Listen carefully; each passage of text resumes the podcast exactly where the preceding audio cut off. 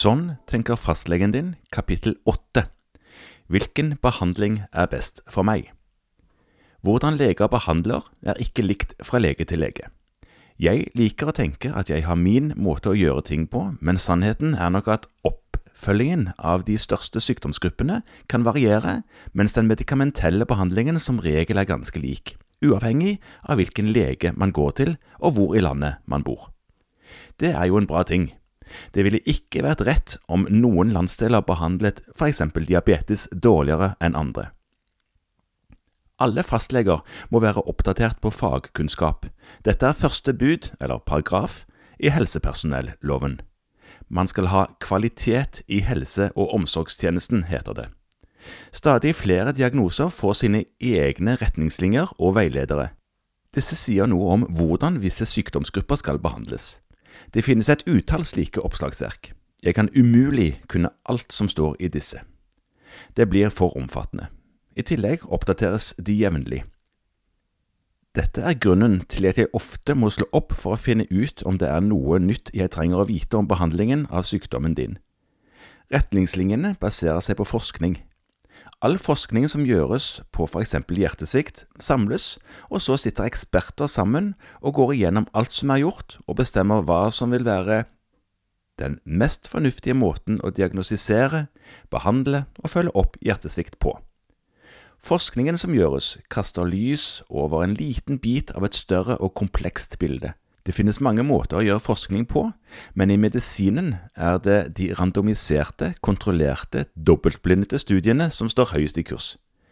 Om man f.eks. ønsker å finne ut om én medisin er bedre enn en annen, så gir man én type medisin til én gruppe pasienter og en juksemedisin til en annen gruppe.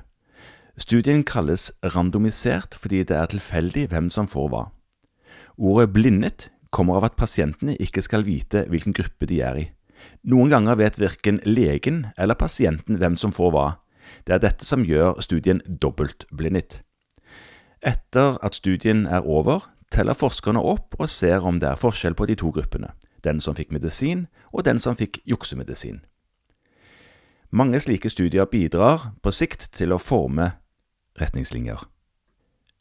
Man vil alltid avdekke mer og mer av et bilde man ikke helt vet hvordan ser ut, og retningslinjene forandres. Det er dette som kalles den evidensbaserte, eller kunnskapsbaserte medisinen. Alle leger i Norge prøver å drive evidensbasert. Hensikten er å følge med i tiden og sikre at du får den beste behandlingen. Dersom du synes legen din slår opp på datamaskinen litt vel ofte, skal du vite at det kan være for å sjekke om det har kommet ny kunnskap siden sist han eller hun traff på diagnosen du har. Det er ikke uvanlig at pasienter kommer med utklipp fra aviser eller ukeblad hvor de har lest om en eller annen behandling som skal være veldig bra for å ta for akkurat deres plager. Slik reklame gjelder ikke medisiner, siden det ikke er lov i Norge å reklamere for reseptpliktige medikamenter. Det er imidlertid lov å reklamere for håndkjøpspreparater, altså slik som man kan kjøpe over disk uten resept, fra lege. Stort sett er dette preparater med ganske beskjeden virkning, men som er trygge å ta. Akkurat hvor god effekten er for den enkelte, diskuterer jeg sjelden. Det har lite for seg. Dersom en pasient mener at en eller annen plage bedres, så er det flott, uavhengig av hvorfor det virker, så lenge behandlingen ikke er skadelig eller spesielt kostbar. Det spiller ingen rolle om det er preparatet i seg selv som har den gunstige virkningen, eller om det er en placeboeffekt. Placeboeffekten har mange hørt om. Det er når en gunstig og ønsket effekt kommer av et preparat eller et tiltak fordi man forventer at det kommer en slik effekt. Det er nesten som magi, og det skjer ikke bare i forbindelse med preparater som dette, men også med andre typer medisin. Den ubevisste mekanismen som gir oss placeboeffekten, har en mørk tvilling, nemlig noceboeffekten.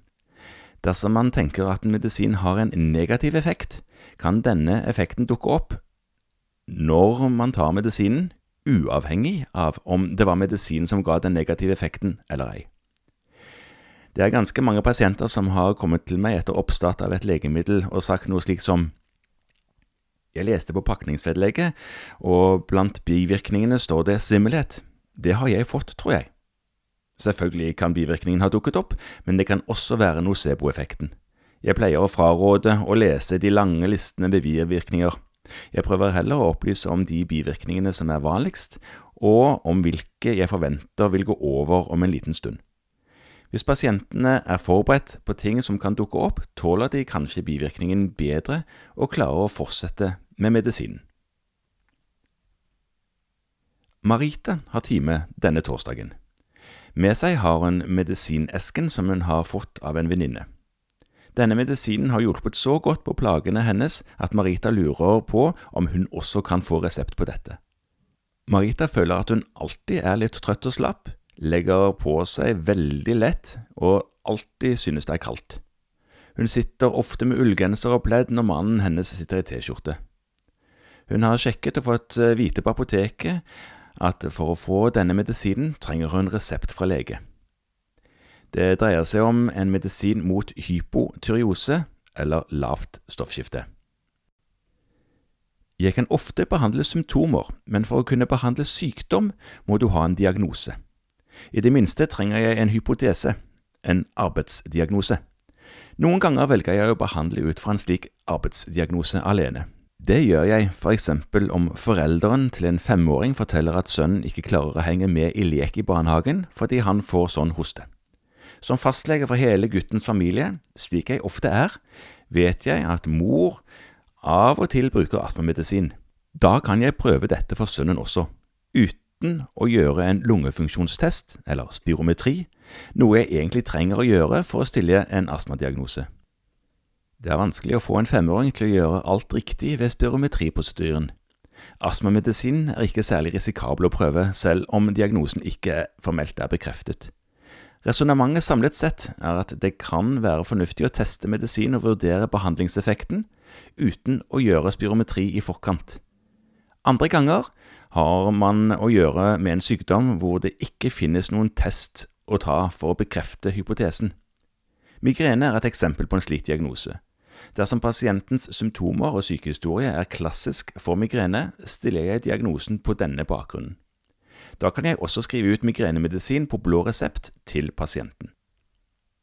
For noen diagnoser finnes det tester som kan bekrefte dem, eller eventuelt gjøre diagnosen mindre sannsynlig. For lavt stoffskifte er det slik.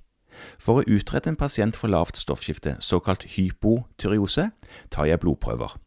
I Maritas tilfelle tar jeg på bakgrunn av symptomene hennes de nødvendige testene, men de er normale og avkrefter at hun har lavt stoffskifte. Da kan hun heller ikke få de samme medisinene som venninnen, selv om plagene er ganske like og tablettene hjalp for venninnen. Jeg forteller Marita at vi heller må lete etter andre årsaker til hennes plager. En pasient spurte meg en gang om ikke behandlingsretningslinjene gjorde fastlegen overflødig. Dersom diagnosen først var stilt, var det vel egentlig bare å slå opp i riktig retningslinje for å finne riktig behandling.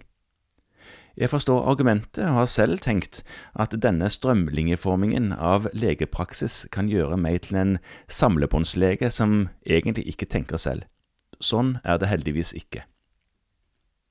Ta for eksempel min pasient Hildegunn. Hun kuttet ned på røykingen for fem–seks år siden, fra ca. 30 sigaretter daglig til rundt fem. De siste fem var det helt umulig for henne å bli kvitt. For omtrent tre år siden fikk hun diagnosen kronisk obstruktiv lungesykdom, eller KOLS. For å bedre en redusert lungefunksjon begynte hun med medisiner som hun inhalerte ned i lungene.